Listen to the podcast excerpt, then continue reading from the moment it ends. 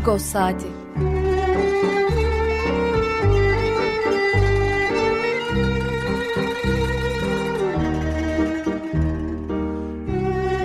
Haftalık Agos gazetesinin penceresinden Türkiye ve Dünya gündemi.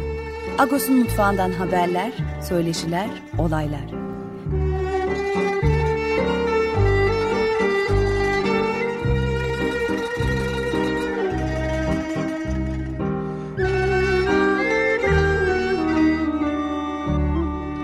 Radyo Agos.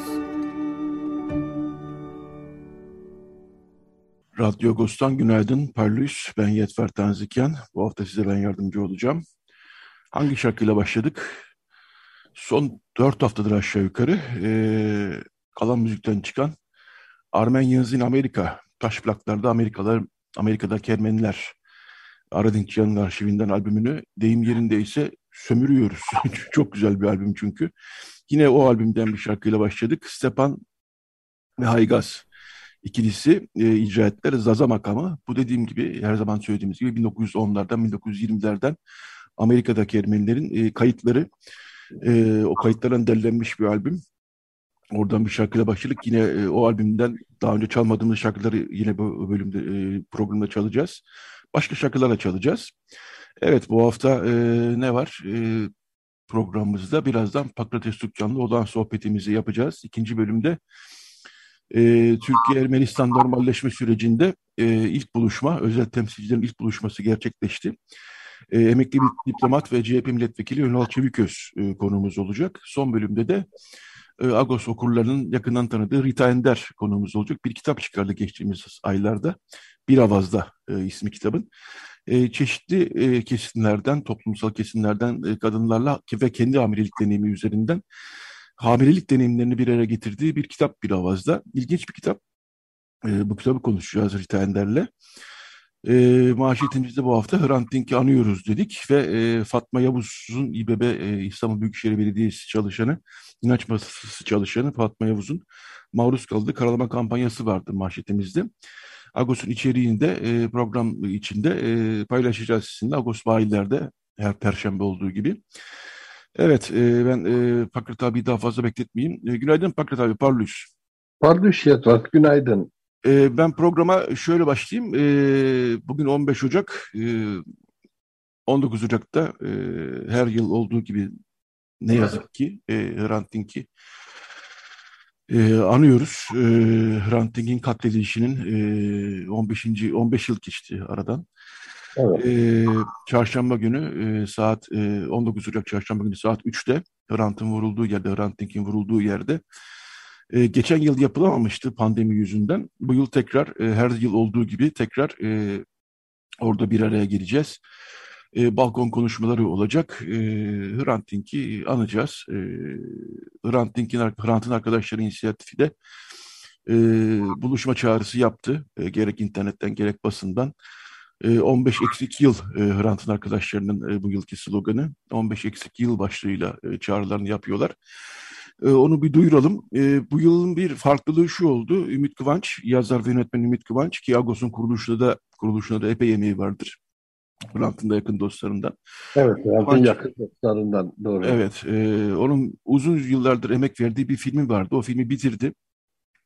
Hafıza yetersiz Hrant Dink için bir film e, çalışmanın başlığı. Bir saatlik bir film aşağı yukarı. E, çarşamba akşamı bir basın gösterimi yapıldı ve Perşembe günü de saat 8'den itibaren Hrant Dink Vakfı'nın sitesinden izlenebiliyor. O filmi de e, izlemeyen varsa eğer hrantdink.org sitesine girip e, çok etkileyici bir film e, açıkçası. Hrant Dink'in konuşmalarının arka arkaya sıralanması değil, e, onların bir mantık içerisinde sıralanması ve e, Ümit Kıvanç'ın da e, o konuşmalardan yola çıkarak çektiği görüntülerin e, birlikte e, harmanlandığı diyeyim bir film. E, izlerken ben gerçekten çok etkilendim. E, Hrant Dink'in bildiğimiz konuşmaları var, bilmediğimiz konuşmaları var. Bu konuşmalara eşlik eden e, vurucu çarpıcı görüntüler var. E, biz daha önce seyretmiştik çarşamba akşamı da e, bir basın gösteriminde tekrar izlemiş olduk. Dediğim gibi Perşembe günü saat 8'den itibaren kondu. E, artık isteyenler ranting.org sitesine girip e, filmi izleyebilirler. Sen de izledin sanıyorum Pakrat abi filmi. Evet, ben de izledim filmi ve e, dediğin gibi e, çarpıcı bir film. Çünkü esas itibarıyla Hrant'ın kendi konuşmaları e, ve konuşmalarındaki vücut dili, e, yüz ifadeleri, mimikleri çok çarpıcı. E, zaten senle yapılan röportajda da Ümit Kıvanç bu konuyu e, özellikle belirtiyordu. Bunun altını çiziyordu. Grant'ı yazılarından çok konuşmalarıyla e, tanımak çok önemlidir diyordu. Filmden sonra, gösterimden sonra yapılan o ufak e, toplantıda da e, Arat Dink buna önemli bir vurgu yaptı. E, torunları ilk defa dedelerini bu denli yakından izlediler, onu tanıma imkanı buldular dedi. Bu anlamlı bir şey çünkü Grant'ın e, öldürülüşünün üzerinden 15 yıl geçti. Bir jenerasyon daha geliyor ve onlar sadece okuyarak değil, Grant'ın vücut diline de tanık olarak onun e, neden ötürü bu denli sahici olabildiğini bizzat deneyimleme imkanı buldular. Bu anlamda film benim için çok kıymetliydi. Evet, e, yani anlatmakla olmaz diyeyim ben açıkçası. E, filmi izlemenizi tavsiye ediyoruz buradan. Yani interneti olan herkesin filmi izlemesi son derece kolay. Az evvel de söylediğim gibi ranting.org sitesine girip filmi izleyebilirsiniz. Ümit Kıvanç da filmi ayrıca kendi Vimeo ve YouTube kanallarına ekleyecek. Bununla ilgili detayları da e, e, gazetemizden e, ve e, gazetemizin internet sitesinden bulabilirsiniz. E, amma toplantısı dediğimiz gibi çarşamba günü olacak. Fakat e, başka etkinlikler de var. Bugün mesela saat 4'te Durda platformunun bir etkinliği var. Konuşmacılar var o platformda. Onun da detaylarını e, internet sitemizden bulabilirsiniz. Biz de buradan e, 19 Ocak çarşamba günü saat 3'te e, eski Agos bürosunda önünde yani Hrant Dink'in vurulduğu yerde e, bir araya gelme e, temennimizi e, iletelim. Orada yine yan yana olma temennimizi iletelim. Hrant Dink'i bir kez daha analım vurulduğu yerde.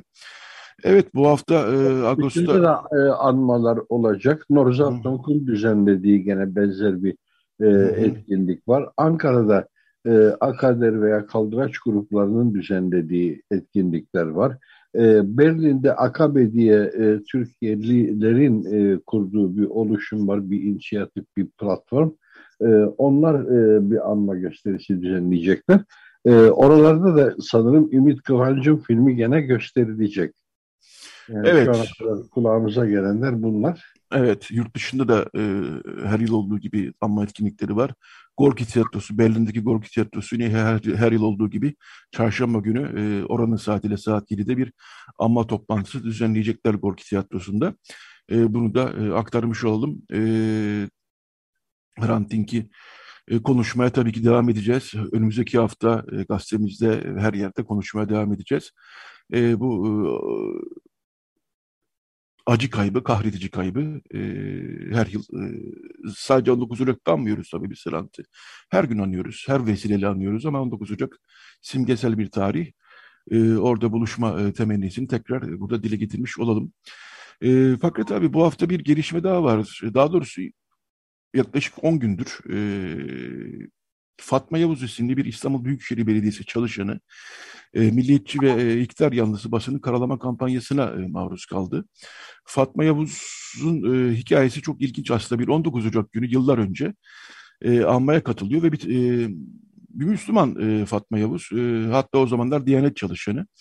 E, orada düşüncelerini dile getiriyor. O düşüncelerini dile getirmesinden... Kur'an öğretmeni. Evet. E, o düşüncelerini dile getirdikten sonra önce Diyanet'teki işinden oluyor. Aradan yıllar geçiyor. Şimdi e, İstanbul Büyükşehir Belediyesi Başkanı Ekrem İmamoğlu'nun davetiyle inanç masasında görev yapmaya başlıyor. Fakat e, iktidar yanlısı basın bir zamandır Ekrem İmamoğlu'yla hani nereden vururuz e, şey içerisinde, çalışmaları karalama kampanyaları içerisinde. Bu sefer de Fatma Yavuz'a e, nasıl derler e, sarıyorlar e, ve onu sürekli bir e, işte Ermeni e, gibi e, onun tabii 1915 ilgili görüşlerini de e, biraz gündeme getirerek e, onu karalamaya çalışıyorlar. E, Fatma Yavuz'un açıklamaları var bu hafta e, Agos'un Agos'ta ve o detaylı biçimde aslında e, vicdan yolculuğuyla Ermeni oldum diyor. E, hep döv, e, devşirmelerden bahsediyoruz. Ben de kendi kendimi devşirim diyor. Ben aslında Gürcüyüm diyor ama e, bütün bu hikayeyi okuyunca diyor bir Ermeni olmaya karar verdim. Müslüman kimliğimi koruyorum ama bir Ermeniyim diyor. E, bu açıdan e, Fatma Yavuz'un yolculuğu çok ilginç. O yolculuğun e, aşamalarını bu haftaki Ağustos okuyabilirsiniz. E, sen neler söyleyeceksin? Bu e, Fatma Yavuz'un hikayesi gerçekten e, dikkat çekici bir hikaye bence. Çok dikkat çekici bir hikaye. Özellikle de Fatma Yavuz kendisi duruşuyla bizim çok ihtiyaç duyduğumuz bir tipoloji oluşturuyor. Yani empati dediğimiz şeyin e, boyutunu bu anlamda da elini taşın altına koymuş. E, Türkiye'de en çok ötekileştirilen de özdeş olmaya cüret etmek tabii ki işini kaybetmeye yol açacaktır. Bu son derece doğal bir sonuç. Hiç doğal olmayan ama Türkiye'den bakınca, Türkiye'nin e, yaklaşımlarına e, aşina olunca son derece doğal bir sonuç. E, bunu göğüsleyebilmiş bir insan. E, büyük bir yürek yani Fatma Yavuz'un çıkışı tam da empati dediğimiz şeyin ete kemiğe bürünmüş hali. O e, biz bu empatiyi en çok Hrant'ın vurulduğu gün Taksim'den Agos'un önüne kadar saat 7 sularında yürüyüşe geçen kitlede hissetmiştik. Sloganlarından ötürü. Hepimiz Hrant'ız, hepimiz Ermeniyiz. Ee, Türkiye toplumu empati kavramıyla bu cümlelerle e, tanışıyor. Yani elini taşın altına koymak, mağdurla özdeş olmak, e, eğer Hrant'ı Ermeni olduğu için buldunuzsa hepimiz Ermeniyiz diyebilmek. E, burada Fatma Yavuz'un e, çıkışında da aynı reaksiyonu, aynı motivasyonu görüyorum. O anlamdan da çok değerli buluyorum. E, olması gereken e, insani durum bu ama Türkiye'nin siyaseti bu insani duruma tahammül edecek kapasitede ne yazık ki değil. Ne Diyanet kadrolarında ne başka yerlerde. Şimdi de belediyede böyle bir insan nasıl çalışır diye e, tepinen bir muhalefet hareketi var.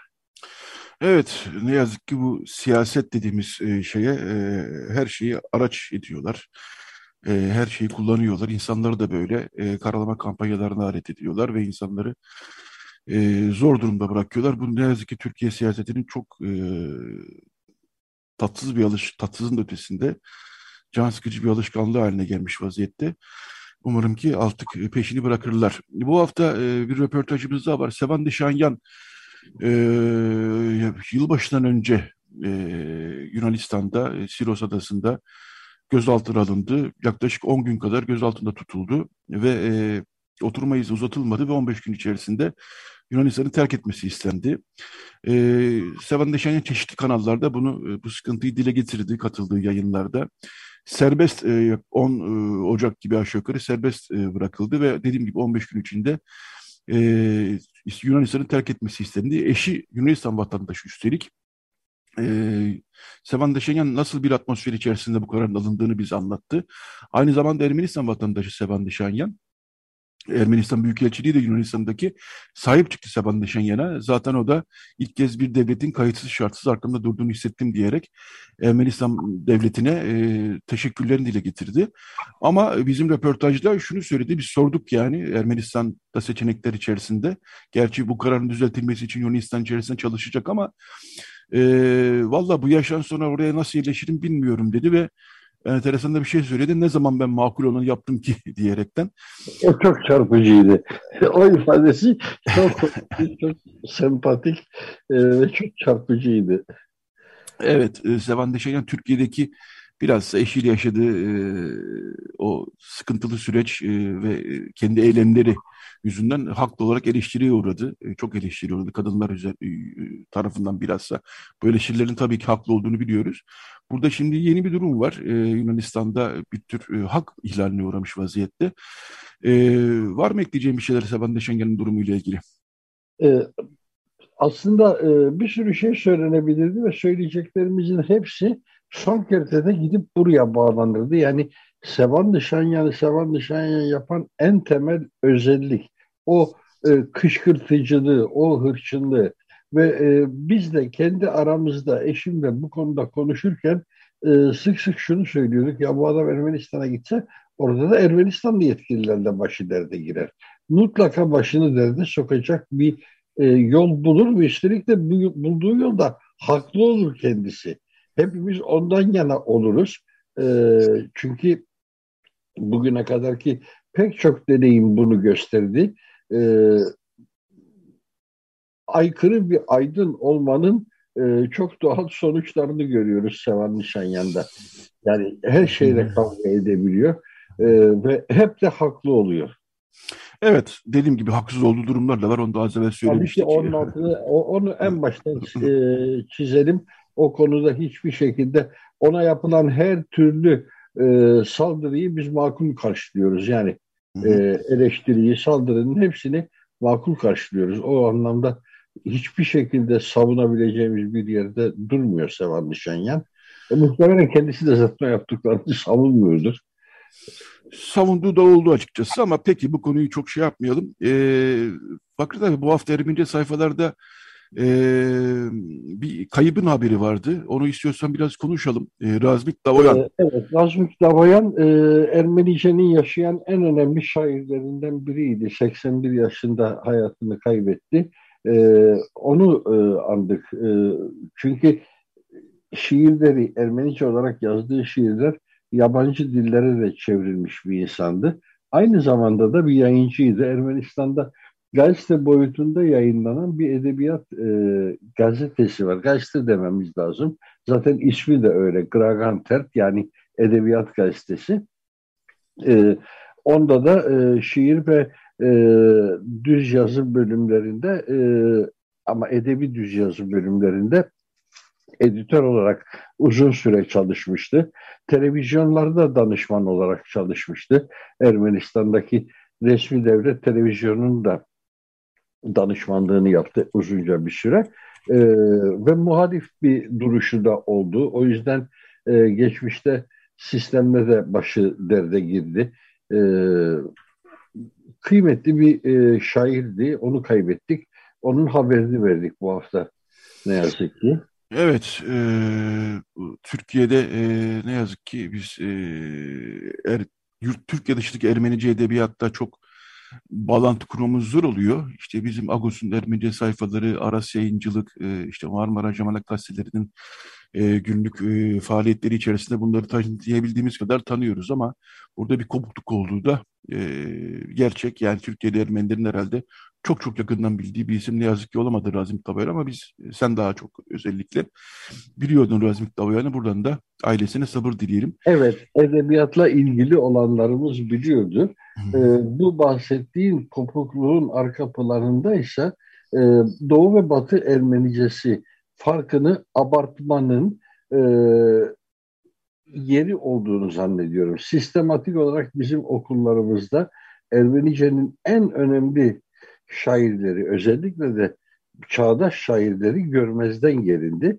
Tabii bunun arkasında kimi politik kaygılar da vardı. Ee, bu insanlar ya sosyalist veya komünist e, nitelikte eserler yazdıkları için de e, sistematik olarak görmezden gelindiler. Bir anlamda Türkiye'de bir bela gibi olabilecekleri e, kanaati oldu. Yani en masum ifadeyle sakıncalı bulundular.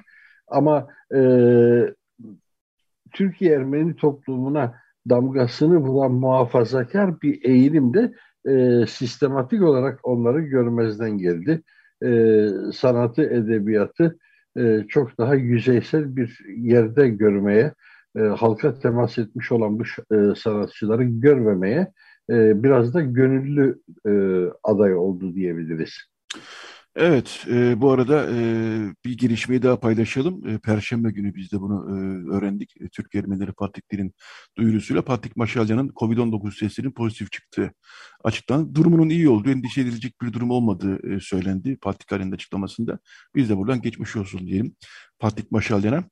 E, son birkaç dakika içerisinde Pakrat abi, 3 dakika diyeyim ben sana e, ama e, çok bu kadar kısa sürede konuşulmaz ama e, bir cemaat yurdunda e, ki koşullar sonrasında hayatını kaybeden Enes Kara'yı da burada analım. E, bıraktığı uzunca videoda hem ailesinden gördüğü baskılardan hem de kaldığı cemaat yurdundaki e, gördüğü baskılardan e, şikayet etmişti ve daha sonra da intihar etti. Bu siyasetin ve Türkiye toplumunun gündem madde, önemli gündem maddelerinden bir tanesi.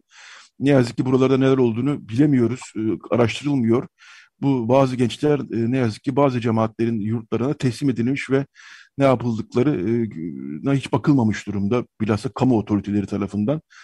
Burada da böyle bir e, can sıkıcı e, olay yaşandı. E, gerçekten Enes Kara'yı anmak için e, toplananlar da dün Taksim'de polisin sert müdahalesine maruz kaldılar. Birkaç cümleyle e, senin de söyleyeceklerini e, dinleyelim Fakat abi. E, şimdi e, Enes Kara ölümüyle aslında çok güçlü bir projektör yaktı ve bir sürü şeyi konuşmamız gerektiği, tartışmamız gerektiği konusunda topluma çok ciddi bir mesaj verdi. Onun çektiği, e, üstelik de intiharından yaklaşık bir ay kadar önce çektiği o videodaki mesajları hepimize, bütün bir topluma tokat mahiyetinde. Hepimiz oturup düşünmeliyiz. E, kimler mesela oturup düşünmeli? Bütün anne babalar düşünmeli örneğin. Bütün evlat sahibi, e, evladını belli bir yaşa getirmeyi başarmış olan anne babaların o videolardan öğrenmesi gereken, ibret alması gereken çok şey olduğunu düşünüyorum. Bütün tıp fakültesi öğrencileri düşünmeli ve hocaları düşünmeli. Yani üniversitelerimiz düşünmeli. E, çünkü çok trajik bir betimlemeyle diyor ki e, okulu bitirsem de e, gelecek göremiyordum. Türkiye'de gençleri geleceksizliğe mahkum eden bir gidişat var ve bunu çok net bir şekilde ortaya koydu. Çok da çarpıcı olarak intiharıyla bize duyurdu. Ee, çok acı bir şey bu.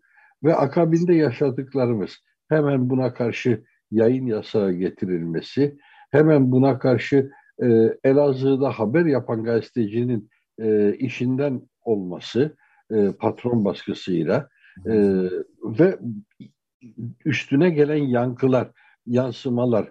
E, mesela e, ben dün bir e, televizyon kanalında Profesör Eser Karakaş'ı dinledim. Eser Karakaş çok çarpıcı bir yere değindi. E, taşra üniversiteleri dediğimiz yerlerin nasıl bir ortam oluşturabildiğinden bahsetti ve isyan doluydu. Zaten bugünlerde televizyonda bu anlamda bu konularda konuşan herkes öfkesini zapt etmekte zorluk çekiyor. E, bu anlamda bütün toplum olarak zannediyorum ki o gencecik çocuğa e, ciddi borçlarımız var.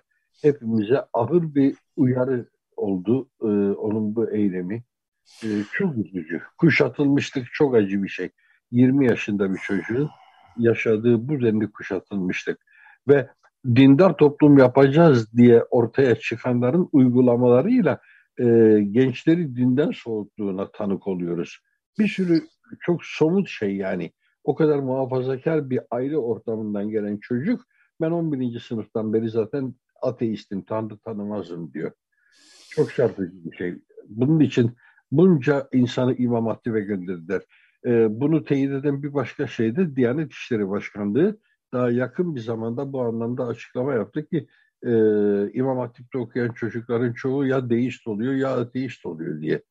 Bunlar ön yargılarımızla kabul edemediğimiz şeyler. Biz zannediyoruz ki hepsi yobaz oluyor. Hayır çocuklar, genç çocuklar etraflarını görüyorlar. İnternet vasıtasıyla dünyayı görüyorlar. Bir de kuşatıldıkları, dayatıldıkları şey var. Kendilerine dayatılan şey var.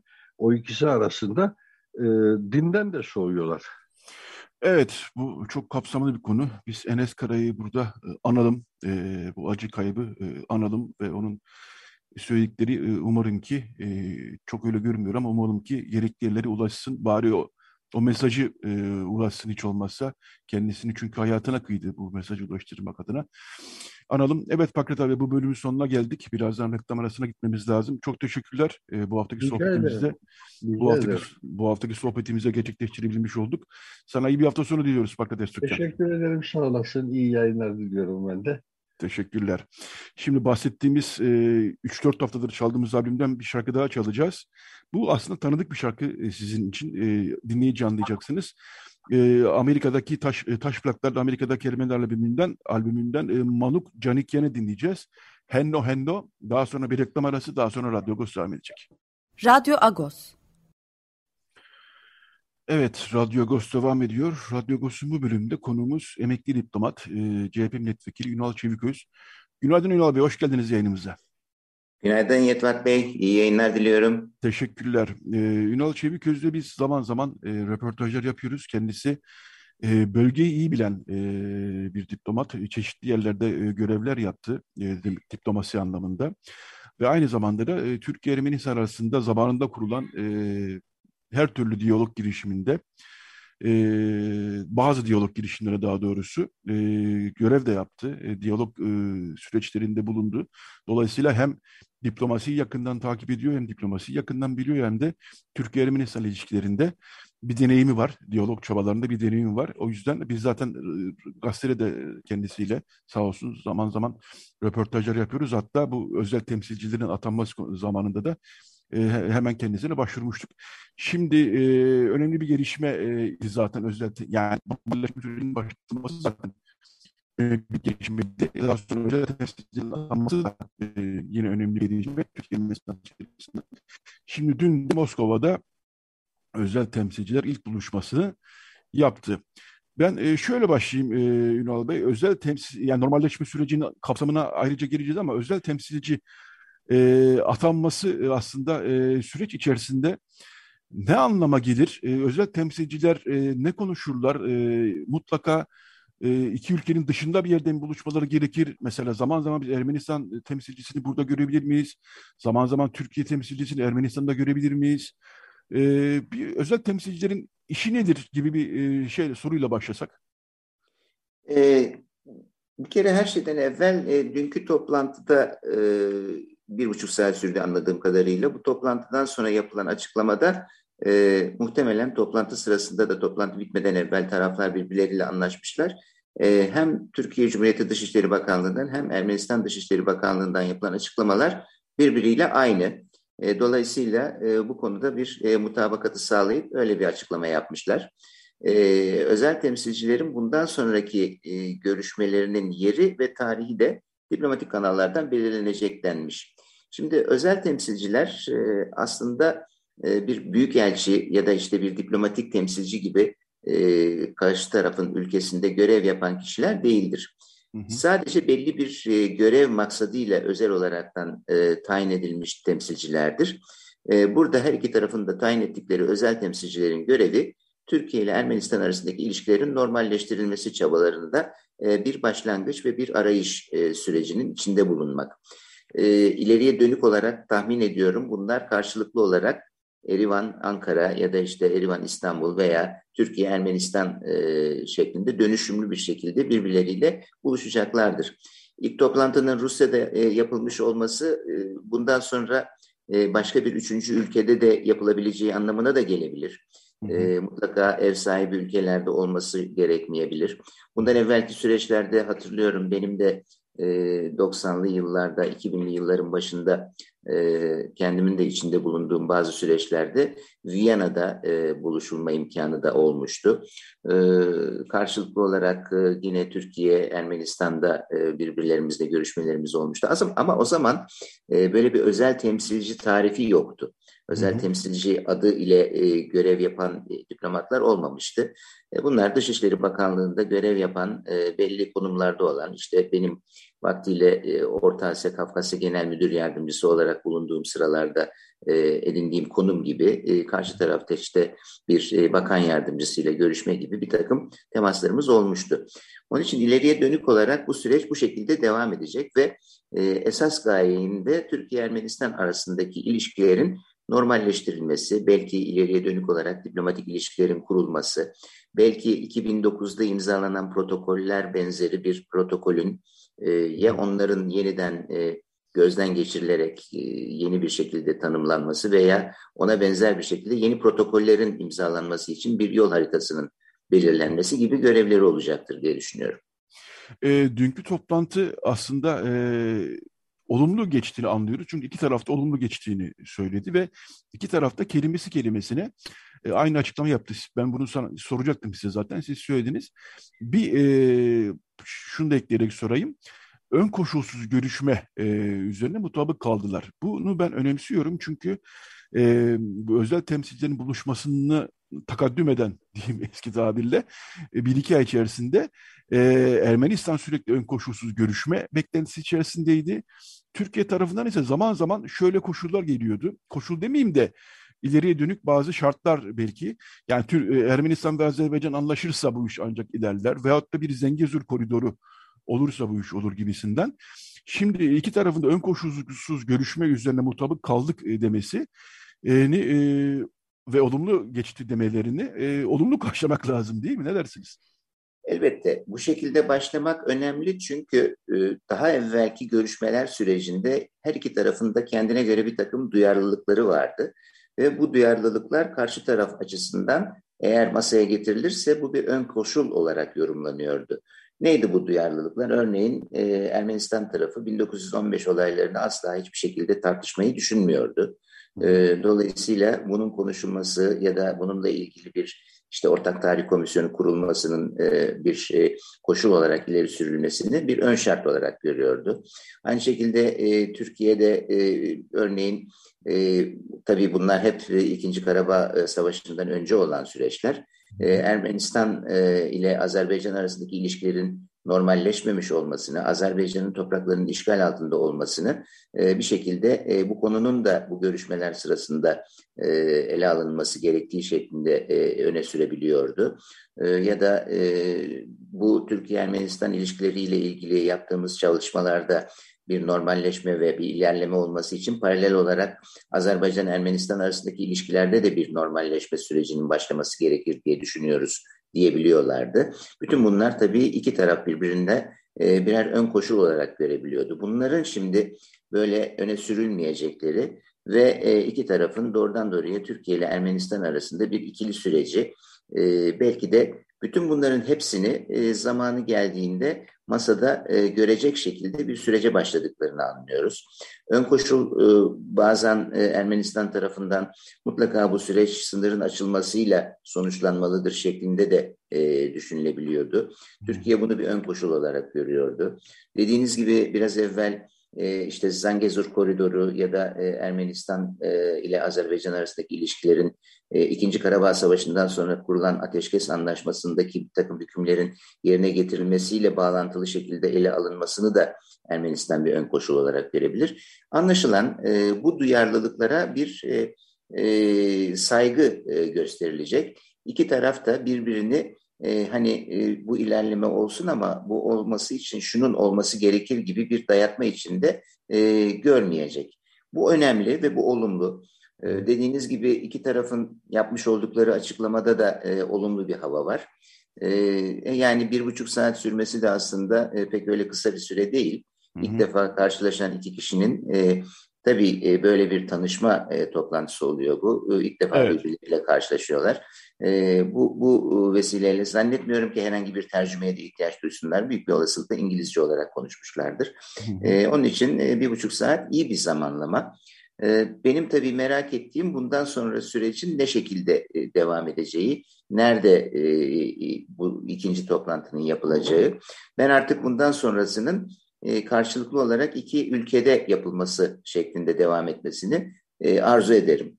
Çünkü bu bir şekilde normalleşmenin de e, bir adımı ve bir gereğidir. E, birbirlerini e, daha iyi tanımaları ve birbirlerine alışmaları bakımından bu şekilde devam etmesi ve artık üçüncü ülkelerin devreye girmemesi daha doğru olur diye düşünüyorum. Evet, e, şunu da o zaman artık e, konunun esasına girelim e, diye düşünüyorum Ünal Bey. Şimdi e, biz e, sizle de konuştuk. Birçok e, kesimde e, konuşuyoruz bu normalleşme süreciyle ilgili olarak. Ben de kendi adıma görüyorum ki bu seferki süreç bundan önceki süreçlerden daha farklı. Daha farklıdan kasıt ne? Bir kere Türkiye açısından e, Karabağ konusu e, Türkiye açısından baktığımız zaman yani açıklamalara baktığımız zaman büyük oranda çözülmüş gözüküyor. Yani e, Ermenistan'ın elindeki topraklar artık Azerbaycan'a geçti ki bunlar zaten pazarlık konusuydu ve bu bütün bu e, savaş öncesindeki o süreçlerde Ermenistan'ın bu e, Karabağ çevreleyen to Azerbaycan topraklarını bir şekilde geri vermesi zaten e, gündem iç, e, dahilindeydi. Bu toprakların büyük kısmı Azerbaycan'ın eline geçti. Dolayısıyla e, Karabağ sorunu yani daha önce Türkiye'nin ön koşul olarak sürdüğü Karabağ sorunu büyük oranda çözülmüş durumda ve buna bağlı olarak bunun da devamı olarak sanıyorum ki Türkiye burada bir e, bütün o havzada yani İran, e, Azerbaycan, Ermenistan, Gürcistan havzasında bir ekonomik e, yolların da açılmasıyla ekonomik bir fırsat e, görüyor. Ve bu fırsatın da e, Ermenistan içinde bir fırsat olma ihtimali de kuvvetli. Ermenistan da bunu biraz böyle görüyor. Tamam olan oldu artık ileriye bakalım ve biz bu işte nasıl kazançlı çıkarız? Bütün bu ulaşım yollarının, tren yollarının, otoyolların diyelim ki açılmasıyla e, yani Rusya'nın da içinde olduğu tabii bir e, havzadan bahsediyoruz. Rusya'nın da yönlendirdiği bir havzadan bahsediyoruz. Dolayısıyla biraz ekonomik fırsat e, beklentisi sanıyorum iki ülkeye de e, bir yeni motivasyon veriyor diyebilir miyiz? Bilmiyorum ne dersiniz? Doğru. E, her iki ülkenin de e, böyle bir açılma ihtiyacı var. Bir kere e, Türkiye açısından bakıldığında Türkiye'nin topyekun bir Kafkasya politikasının olabilmesi için Ermenistan'la ilişkilerin normalleşmesi gerekiyor. Çünkü Türkiye Ermenistan ile diplomatik ilişki kuramadığı, ilişkilerini normalleştiremediği için kapsamlı bir Kafkasya politikası geliştiremiyor. Bu bir gedik olarak görülüyor Ermenistan'ın e, e, bu denklemin içinde yer almaması. İkincisi aynı şekilde Kafkasya'da bir e, kapsamlı işbirliği platformu ya da bir işbirliği ortamı yaratabilmek için Azerbaycan-Ermenistan arasındaki durumun bir şekilde normalleşmeye doğru evrilmesi gerekiyor.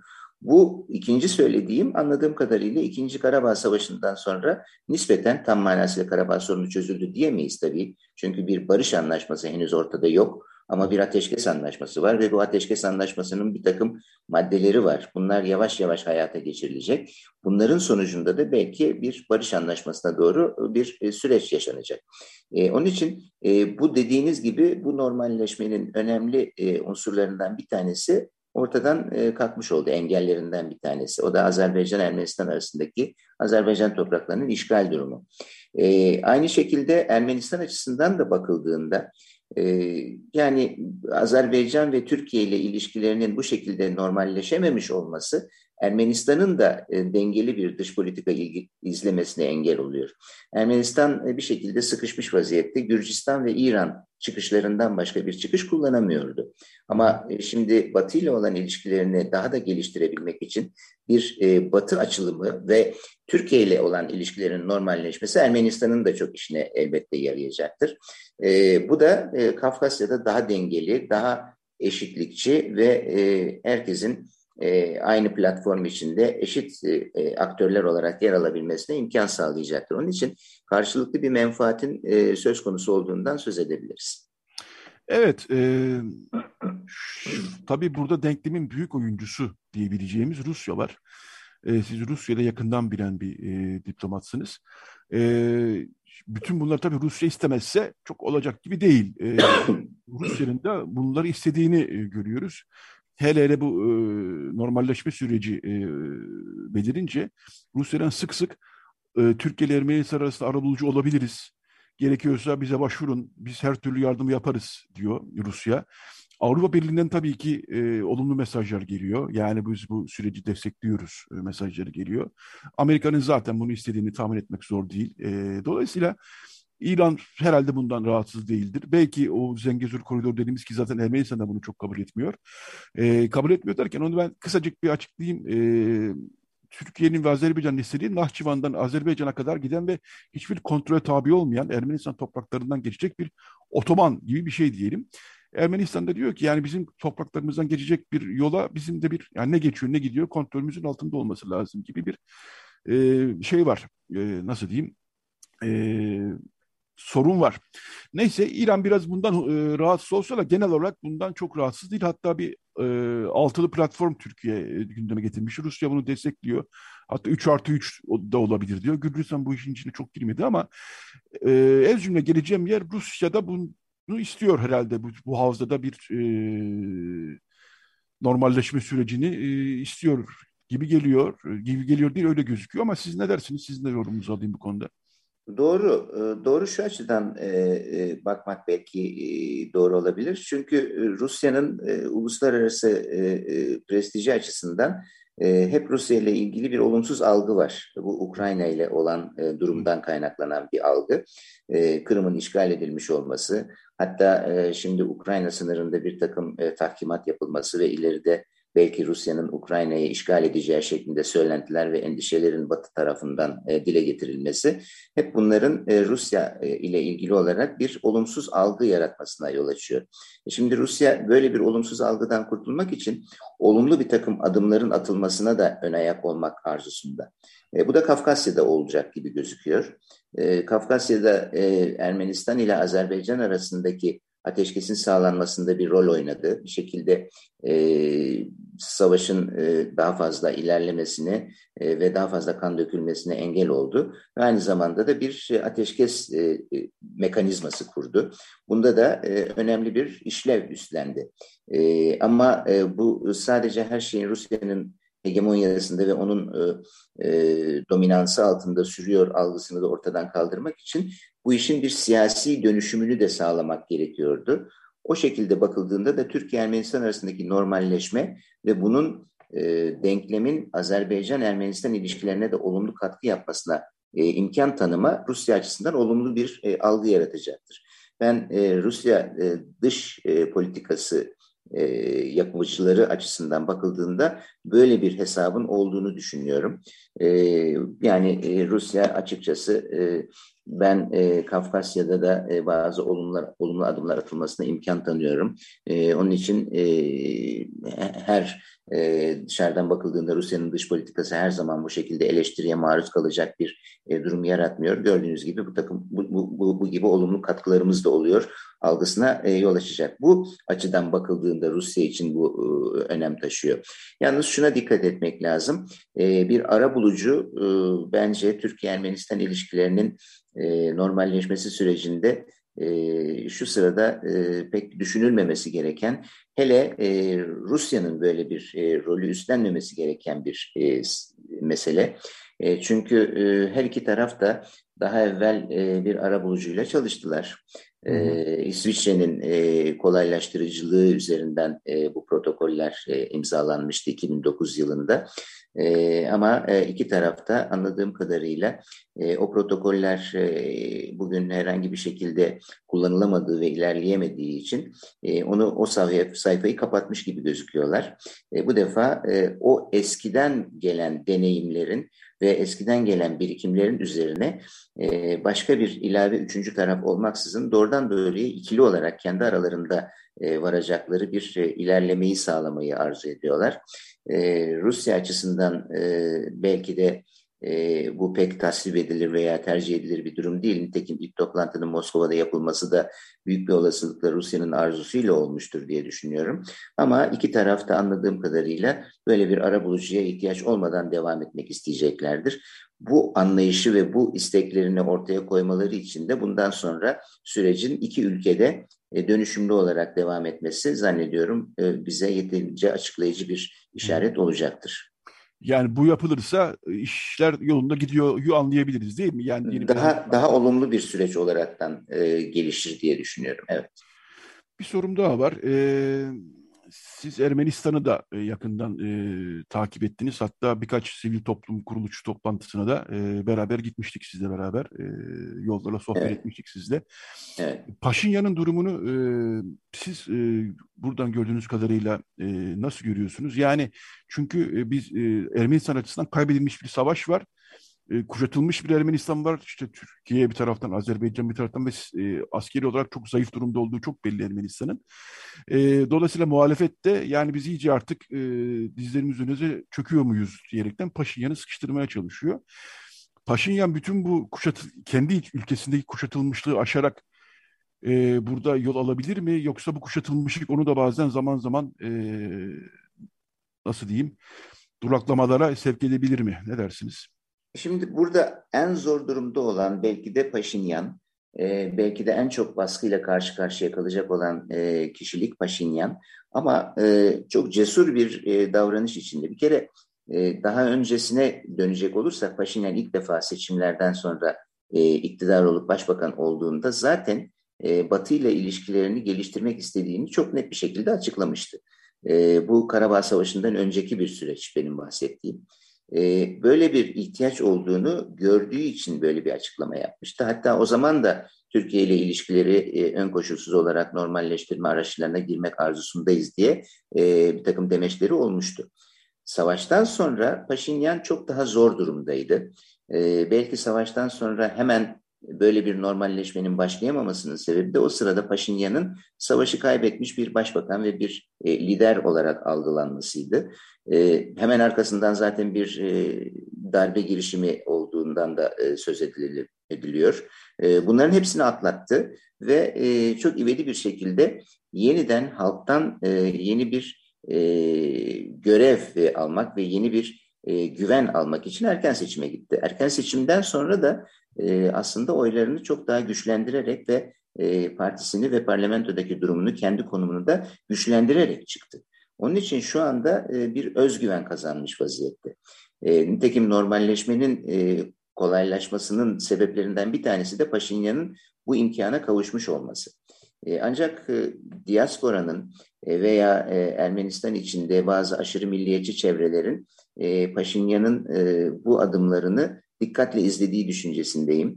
Bu normalleşme süreci e, e, çok hızlı bir şekilde bir sonuca doğru evrilmezse e, o zaman onu yıpratmak isteyen çevreler büyük bir olasılıkla e, bir takım e, sıkıntılar yaratacaklardır. Onun için şu sırada e, en e, zor durumda ve en kritik e, durumda olan e, bu denklemde Paşinyan'dır diye düşünüyorum. Ama her şeyden evvel tekrardan e, çok cesur ve e, geçmişin izlerinden kurtulmak ve artık e, ülkenin geleceğine bakmak ve yeni nesillerin e, o geçmişin yarattığı sıkıntılardan arınmış bir şekilde daha refah içinde yaşayabilmelerine imkan tanımak e, girişimi olarak e, yorumluyorum Paşinyan'ın davranışını. E, bu da aslında e, ümit verici ve e, olumlu bir e, gelişmedir diye e, düşünmek lazım. Ben burada e, izin verirseniz bir, birkaç cümleyle kendi fikrimi de e, katmak istiyorum. Tam da buradan yola çıkarak yani Paşinyan'ın ne kadar zor durumda olduğundan yola çıkarak ben e, yani genelde biz e, diplomatik olarak iki tarafta söylemlerine dikkat etmeli deriz. Ama e, sanki burada Türkiye biraz daha dikkat etmeli gibi geliyor benim. Çünkü zaten yenilmiş bir e, yani kendini mağlup hisseden bir ülke, e, muhalefetle kuşatılmış e, bir e, başbakan varken e, Türkiye'nin daha da işte Ermenistan şöyle şöyle yapmazsa, aklını başına toplamazsa şöyle olur e, süründen açıklamalarında ben sürece çok yardımcı olmadığını düşünüyorum. E, bunu zaman zaman duyuyoruz normalleşme sürecinde. İşte Ermenistan aklını başına toplasın, Ermenistan aklını başına toplamazsa şöyle olur, böyle olur gibisinden. Ben e, sürecin selameti açısından e, sanki e, bu tür açıklamaların da e, biraz artık geri çekilmesi gerektiğini düşünüyorum. Bilmiyorum siz ne dersiniz? Çok haklısınız. İki tarafın da retorikte çok özenli davranmaları gerekiyor. Karşı tarafı kırmayacak ve karşı tarafı zor durumda bırakmayacak şekilde diplomatik dil kullanmaları gerekiyor. Ee, her ne kadar Paşinyan e, bu denklemin içinde en zor durumda olan kişi dedikse de Türkiye'de de iç politika dinamikleri e, bu süreci bir şekilde baltalamaya e, sebep olabilir. Türkiye'de de bazı hassas dengeler var. Onun için bu hassas dengelere itibar etmek için karşı tarafı böyle e, zor durumda bırakılacak çıkışlar yapılması e, iki tarafın da aleyhine olur. Onun için e, burada da elbette retoriğe ve bu tür söylemlere çok dikkat etmek lazım. Yani süreci zorlaştırmak yerine süreci kolaylaştırmak önemli. O bakımdan dün bir buçuk saat süren görüşmeden sonra tarafların aşağı yukarı e, kelimesi kelimesine aynı açıklamayı yapmış olmaları böyle bir özenin gösterileceğine işaret. Ben böyle yorumluyorum. E, bundan sonra da buna dikkat etmek lazım. E, süreci başka bir takım siyasi çıkışlar ve siyasi e, söylemlerle e, olumsuzlaştırmamak lazım. Evet, e, son 2-3 dakikamız e, Ünal Bey. E, siz dediğiniz gibi biz de biliyoruz ki bu tür temaslarla bulundunuz. E, 2009'daki protokoller ne yazık ki çöktü. E, şimdi 2009'da yani konuştuk bunu yayının başından beri e, ama 2009-2010'daki o futbol diplomasi ve protokoller sürecinde de herkes çok umutluydu. E, dışarı Amerika bilhassa işin çok e, sürükleyicisi konumundaydı. Hatta Hillary Clinton da e, o zamanki Dışişleri Bakanı yanlış hatırlamıyorsam e, İsviçre'deki toplantıya gelmişti, imza e, törenine gelmişti.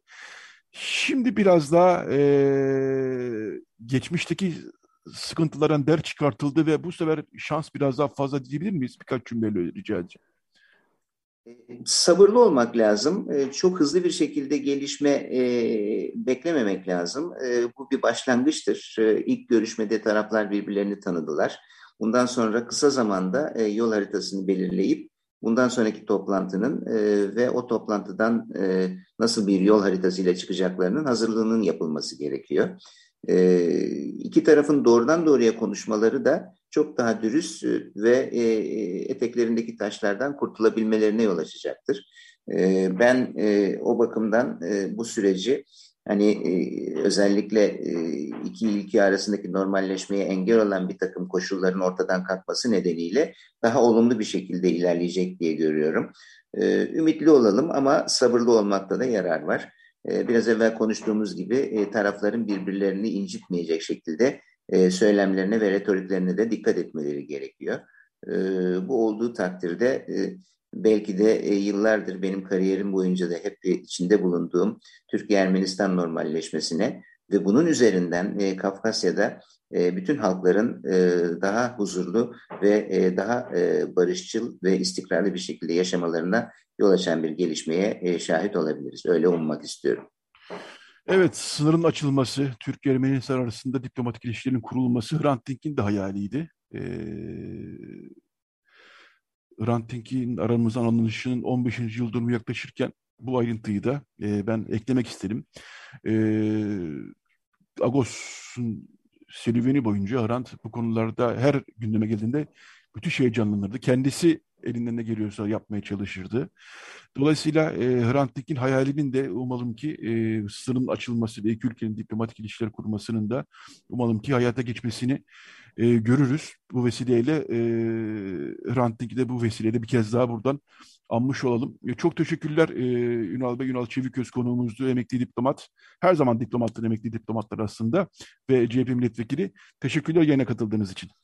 Yetvar Bey ben teşekkür ederim. Özellikle de e, bu vesileyle e, sevgili Hrant'ı andığınız için e, ve hatırlattığınız için çok teşekkür ederim.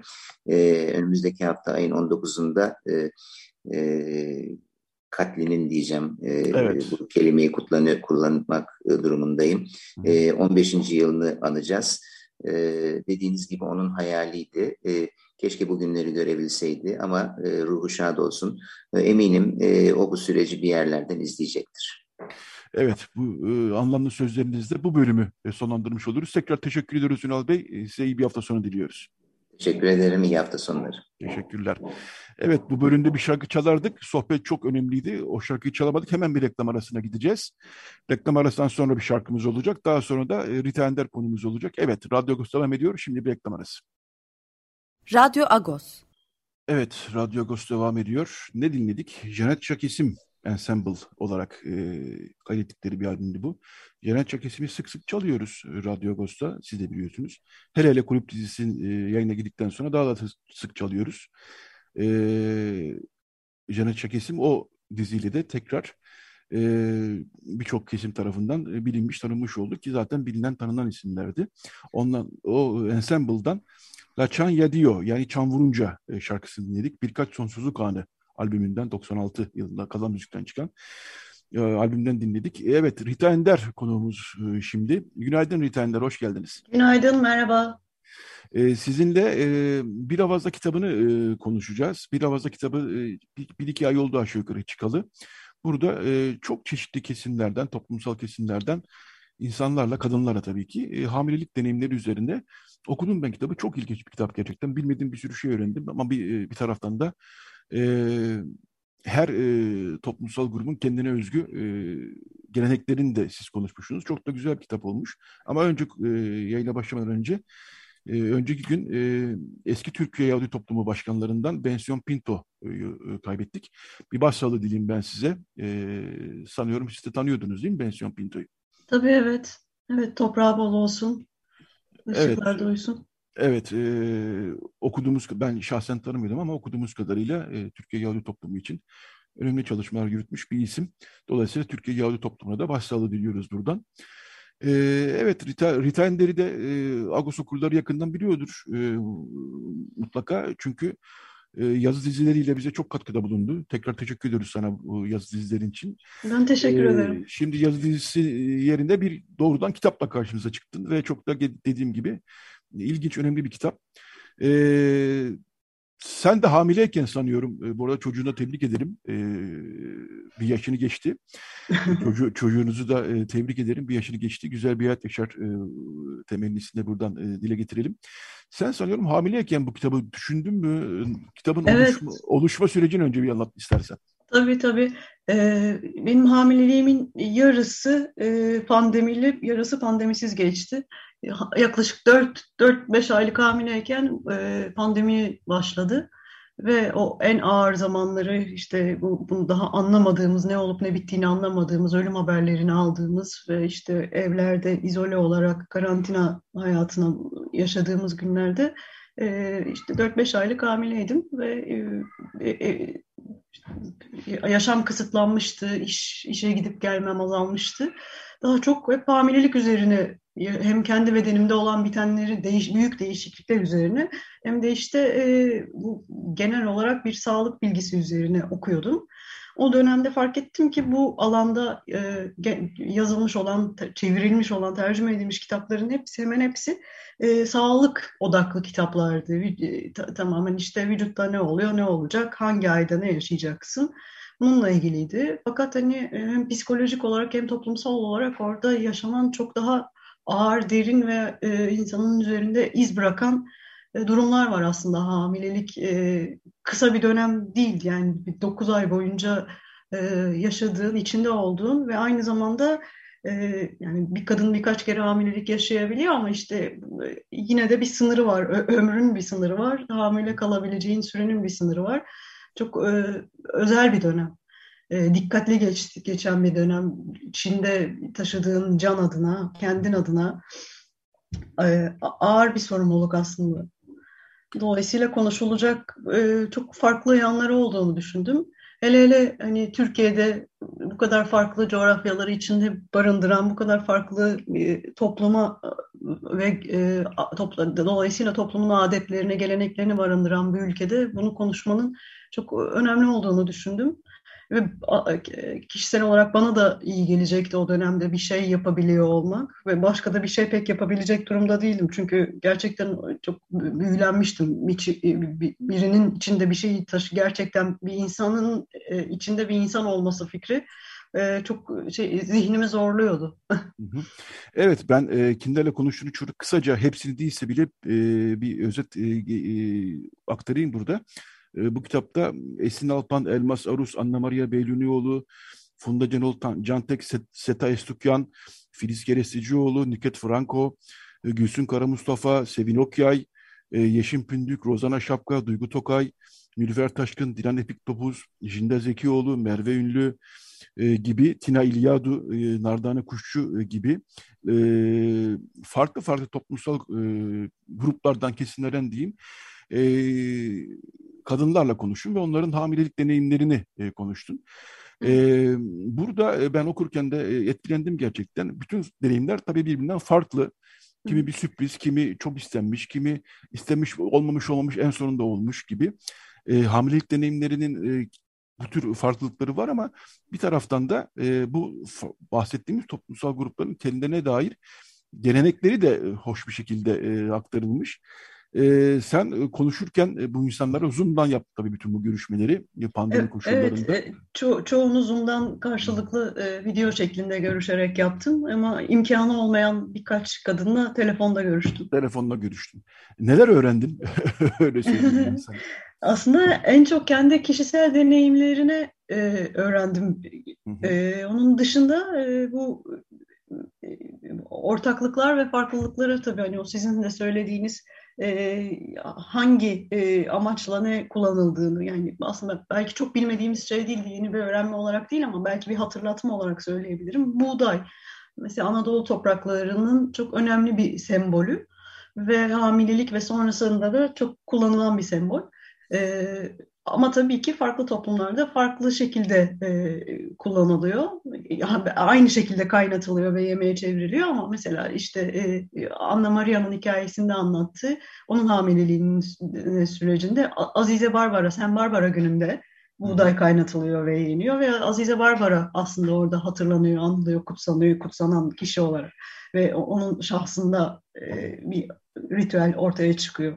Ama işte e, ben hemen daha çok daha yakın bir yerde diş buğdayı kaynatılıyor ve çocuk e, işte e, diş çıkarttığında buğday ikram ediliyor sevenlerine. Fakat hemen işte bu sefer biraz kuzeye gittiğimizde Karadeniz'e gidiyoruz. Mesela orada buğday olmadığı için hamile kadınlar buğday yemiyor, mısır yiyor.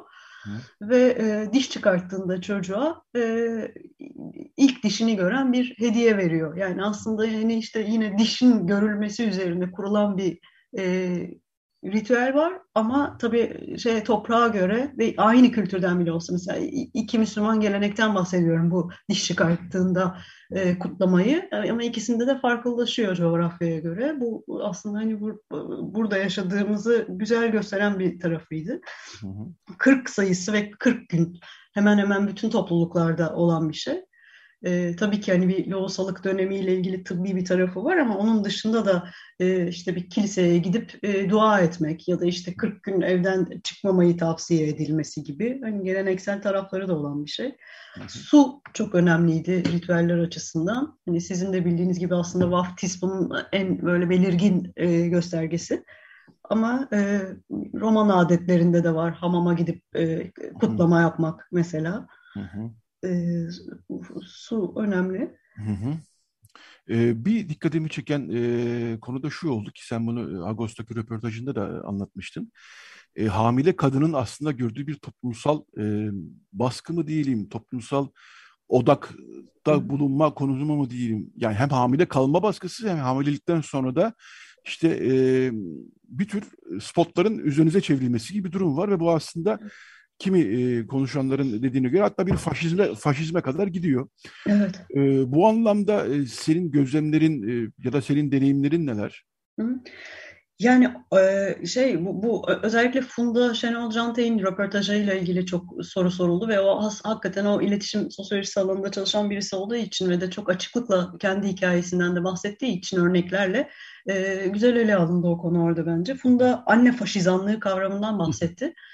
Ee, anne faşizanlığı biraz hani geleneksel kadınlık kavramıyla da açıklanıyor. Birilerinin işte ideal anne tiplemesi yaratıp e, seni e, yaptığın hareketlerle eksik, yanlış veya hatalı olduğunu hissettirmene dayanan bir şey aslında. İşte çocuğu e, yanlış giydirmişsin, aman bu böyle yapılır mı tarzında günlük hayatlarımıza hep karşımıza çıkan şeyler. Arus Yumul bir kitaba bir giriş yazısı yazdı. O, o çok bu konuya değindi ve ben de güzel anlattı bu kısmı. Sağ olsun, var olsun. E, tabii bu yani kadının her, toplumda her zaman karşılaştığı bir şey. Ta, sadece hamile veya a, çocuk sahibi olan bir kadının değil ama zaten kadından beklenen e, bir takım e, görevler var ya o görevlerden bir tanesi evlenmek, bir tanesi işte çocuk yapmak ve çocuk yapmakla beraber anneliğin ve anneliğin e, hani kutsanmasıyla ilişkili olarak pek çok e, yük bindirilmeye çalışılıyor. Bunları e, taşımak veya bunlarla yüzleşmek de gerçekten kolay değil. Yani bu mesela Funda'nın hikayesinde bir e, süt verme konusuyla ilgili bir anlatısı vardı. Hı. Süt verememiş e, işte ve toplumdaki yani ailesinden bazı kadınlar e, on, aynı onun ifadesiyle tekrarlıyorum. E tabii bir e, süt memesi var, bir meme var, bir süt memesi var, bir süt memesi olmayan meme var tarzında bir e, yorumda bulunmuş. Bu kadar açık anlattı ama o, o sırada gerçekten çocuğuna e, yemek vermek isteyen bir kadın için ağır olabilecek bir e, şey hı. aslında ve de e, kimin ne yapması gerektiği konusunda uyarı alma anlamında çok açık bir dönem ve bir de beden olarak açık bir dönem. Bunun e, başka e, yansımaları da oldu. Mesela vegan e, bir e, hamilelik geçiren bir kadın vardı. O e, kendine doktor bulamamış. İstanbul'da yaşayan bir kadın olmasına rağmen veganlığın bir çeşit cinayet olduğunu söyleyen bir sürü doktorla karşılaşmış. Ve kendisi o kadar kararlı olmasa e, büyük ihtimalle e, karşılaştığı doktorların onu yönlendirmesiyle bırakacaktı bu çeşit beslenmeyi. Hı hı. Yani böyle böyle böyle örnekler de var. Evet yani biyo, sadece biyolojik olarak değil aslında toplumsal olarak da e, bazen çok zor olabilen bir süreç gerçekten e, onu anlıyoruz. Yani evet. Yani bir de bu faşizanlık dedik hani gerçekten hani e, hani faşizanlığı kadınların birbirine yaptığı taraf var ama tabii ki her zaman e, erkeklerin kadınlara yaptığı e, çok daha ağır. Ee, onun da örnekleri var kitapta. Yani erkek şiddetine, hamilelik sürecinde erkek şiddetine maruz kalmış bir kadının hikayesi var. Güler Baba'nın hikayesinde polis şiddeti var. Ee, gözaltı sürecindeyken e, ha, hamileymiş ve gözaltından çıktıktan sonra o, o dönemde hamile olduğunu öğreniyor. ee, ben işte pandemide e, ha, hamileliği deneyimlemiştim ama işte o, o, o dönem hani bilinmezliklerin daha yoğun olduğu bir dönemde başı olduğu için e, aynı dönemde mesela e, e, Çernobil'de Çernobil sonrasında sırasında hamile kalan bir kadınla da söyleşi yaptım. O da benzer bir belirsizlik sağlıkla ilgiliydi. Hı hı hı. Evet, e, bir de e, bütün bunlara ilave olarak bazen e, görüyoruz. Her zaman değil ama ne yazık ki bazen görüyoruz. Yani hamile kadını dışarıda görmek istemeyen çok tutucu kesimler de var. Yani hamileysen sokağa çıkma, hamile olduğunu belli etme, hamile kadın kendini göstermez gibi böyle ağır şeyler de var. Dolayısıyla yani kolay da bir iş değil. Hem onu anlıyorum hem de bir taraftan da çok da güzel bir şey tabii. Hele doğumdan sonraki faslı. Doğumdan sonraki bölümlerde de gelenekler üç aşağı beş yukarı hem benziyor hem de farklılaşıyor. Onunla ilgili de söyleyeceklerin var mı? Yani senin dikkatini çeken şeyler, gelenekler. Yani ben genelde hamileliğe odaklandığım için aslında hamilelik üzerine kalmaya çalıştım ama tabii doğumdan sonrakiler de çıktı. Diş e, diş buğdayı ve dişle ilgili olanlar. E, bu hmm. hani şeyler e, bir takım sembollerin e, çocuğun önüne koyulup e, çocuğun e, 40. gün yapılan bir şey. Bu da 40, e, 40 çıkartmakta hmm. yapılan bir şey.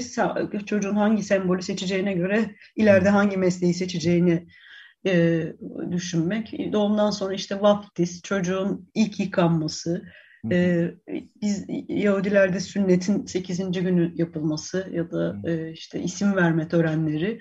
E, Müslümanlarda da çok e, Alevilerde de olan bir şey, Kürtlerde de olan bir şey. Çocuğun e, isminin ezanla kulağına okunması.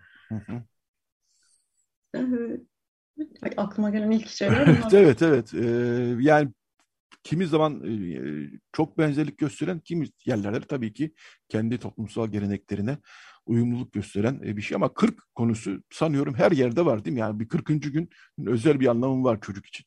Evet, Se Seta Estükyan onu güzel anlatmıştı. Biz 40'a kadar dayanamamış, biz yarım 40 yaptık diye 20'de çıkmış dışarıya. Evet, evet. Yani çocuğun 40'ını beklemeden sokağa yani gezmeye çıkanlar da var. E, bu anlamda e, çok hakikaten öğretici bir kitap olmuş e, ve e, yani sadece kadınların değil asıl ve daha çok bence erkeklerin okuması gereken bir kitap bu. Yani hamile bir e, eşinizle, hamile bir kadınla, e, beraber olduğunuz hamile kadınla e, nasıl e, davranmanız gerektiği konusunda bence çok önemli ipuçları içeriyor. Ya bu konuda e, böyle bir kitaba gerçekten ihtiyaç vardı. Evet, erkekler de aynı şekilde dünyaya geliyor zaten. evet, evet. Yani biz de biz de, or biz de oradaydık yani. Hani herkes hepimiz oradaydık. dolayısıyla bu anlamda ben yani sadece kadınlar ilgilenenlerin bir kitap olmadığını buradan söylemek istiyorum. Teşekkür ederim. erkeklerin bilhassa erkeklerin okuması gereken bir kitap olduğunu söylemek istiyorum. Bu anlamda eklemek istediğin bir şeyler var mı? Ee, yok evet askerlik anılarına benzeten oldu. Ee, askerlik anılarına. Ee, sanki biraz daha e, farklı ve güçlü bir dönemmiş gibi geliyor bana. ve daha barışa dair.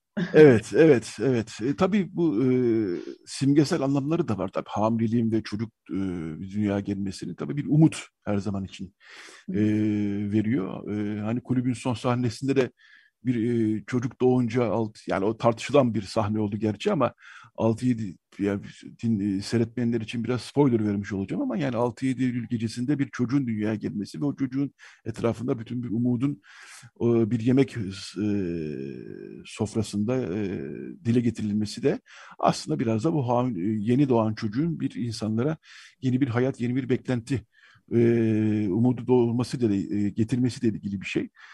Dolayısıyla çok anlamlar ve katmanlar içeren bir e, süreçten bahsediyoruz. Ya evet bunu şey, e, kitapta söyleşi yaptığım e, kadınlardan birisi Gülsün Kara Mustafa'ydı. Ben onun ifadelerini her zaman çok severek okuyorum.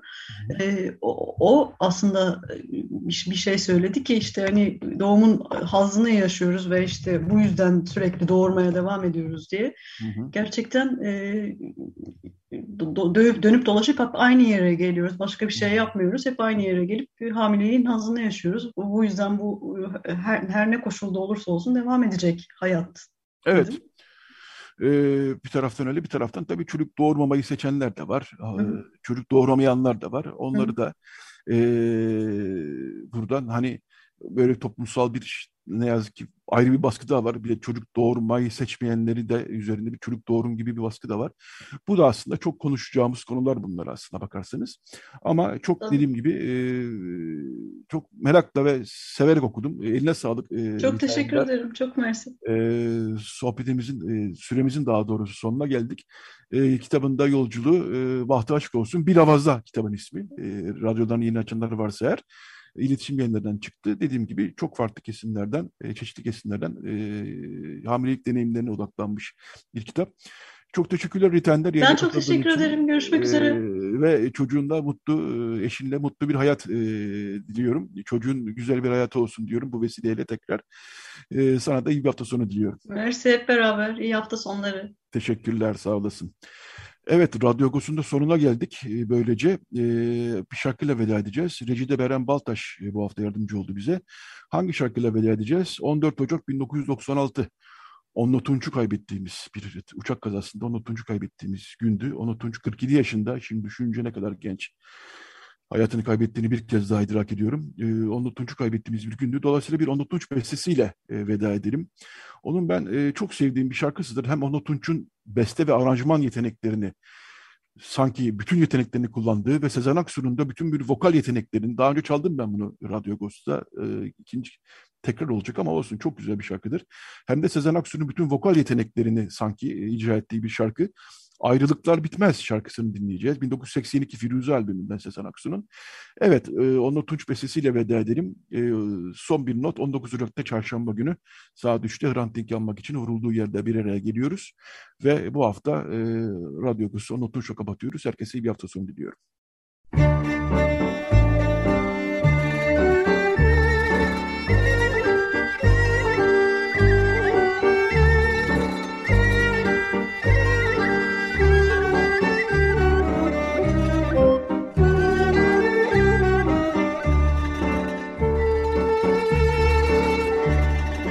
Agos Saati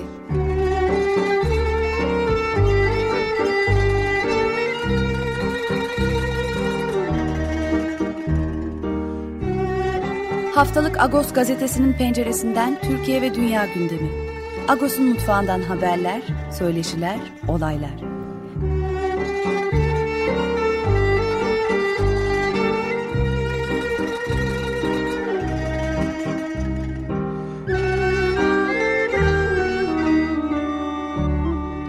Radyo Agos.